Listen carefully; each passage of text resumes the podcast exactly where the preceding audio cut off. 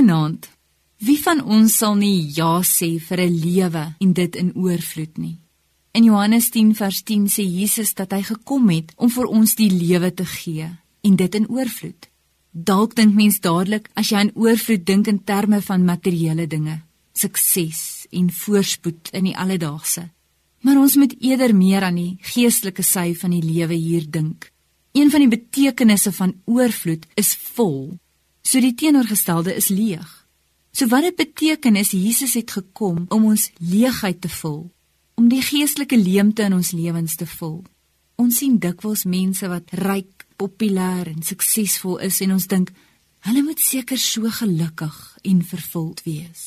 Ons staan verstom wanneer ons hoor van 'n multimiljonêer wat sy eie lewe neem of 'n bekende akteur wat oordoseer op dwelms. Al wat dit ontbloot is 'n lewe wat leeg is. Hoe vul Jesus die leegheid? Hy vul dit met ware vreugde, liefde en vrede. Hy vul ons met sy eie gees, die Heilige Gees. Wanneer Jesus ons 'n lewe van oorvloed beloof, sluit dit in dat hy alle vrees wegvat selfs die vrees vir die dood. Jesus het gekom, die dood oorwin en so vir ons hoop en ewige lewe gebring. Slegs iemand wat Jesus se oorvloed ken, kan in die aangesig van die dood lag, want ons weet Jesus het die angel wat die dood eens gehaat het, verwyder. Oorvloed is vrede midde in die storm. 'n Lewe van oorvloed sluit ook in dat ons nie bekommerd hoef te wees oor môre nie. Dis om te sê God is in beheer. Ek sal nie bang of bekommerd wees nie. Ons soek sy koninkryk en al die ander dinge plaas ons in sy hande. 'n Lewe in oorvloed maak ons vry van skuld. Ons gaan gebuk onder die swaar las van skuld en veroordeling. Ons voel skuldig oor dinge wat ons gedoen het. Dis iets wat nie weggevat kan word deur medikasie, berading of terapie nie, maar alleenlik deur die bloed van Jesus. Jesus gee ons sy oorvloed. Ons is vry van veroordeling.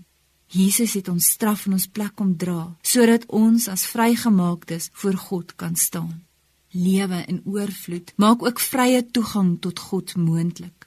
Sonde skei ons van God. Jesus kom oorbrug daardie gaping met die kruis. Wat ons nou het, is totale aanvaarding en selfs die vrymoedigheid om tot God te nader. Sonder Jesus is ons verlore. Met hom het ons die lewe in oorvloed. Oorvloed is nie 'n oorvloed van dinge nie, maar 'n oorvloed van hom. Dis nie dat God die wêreld verander het waarin ons bly nie, maar hy verander ons. Oorvloed is nie om om ons te kyk nie, maar om op te kyk. Dankie Here dat U ons 'n lewe van oorvloed wil gee. Amen.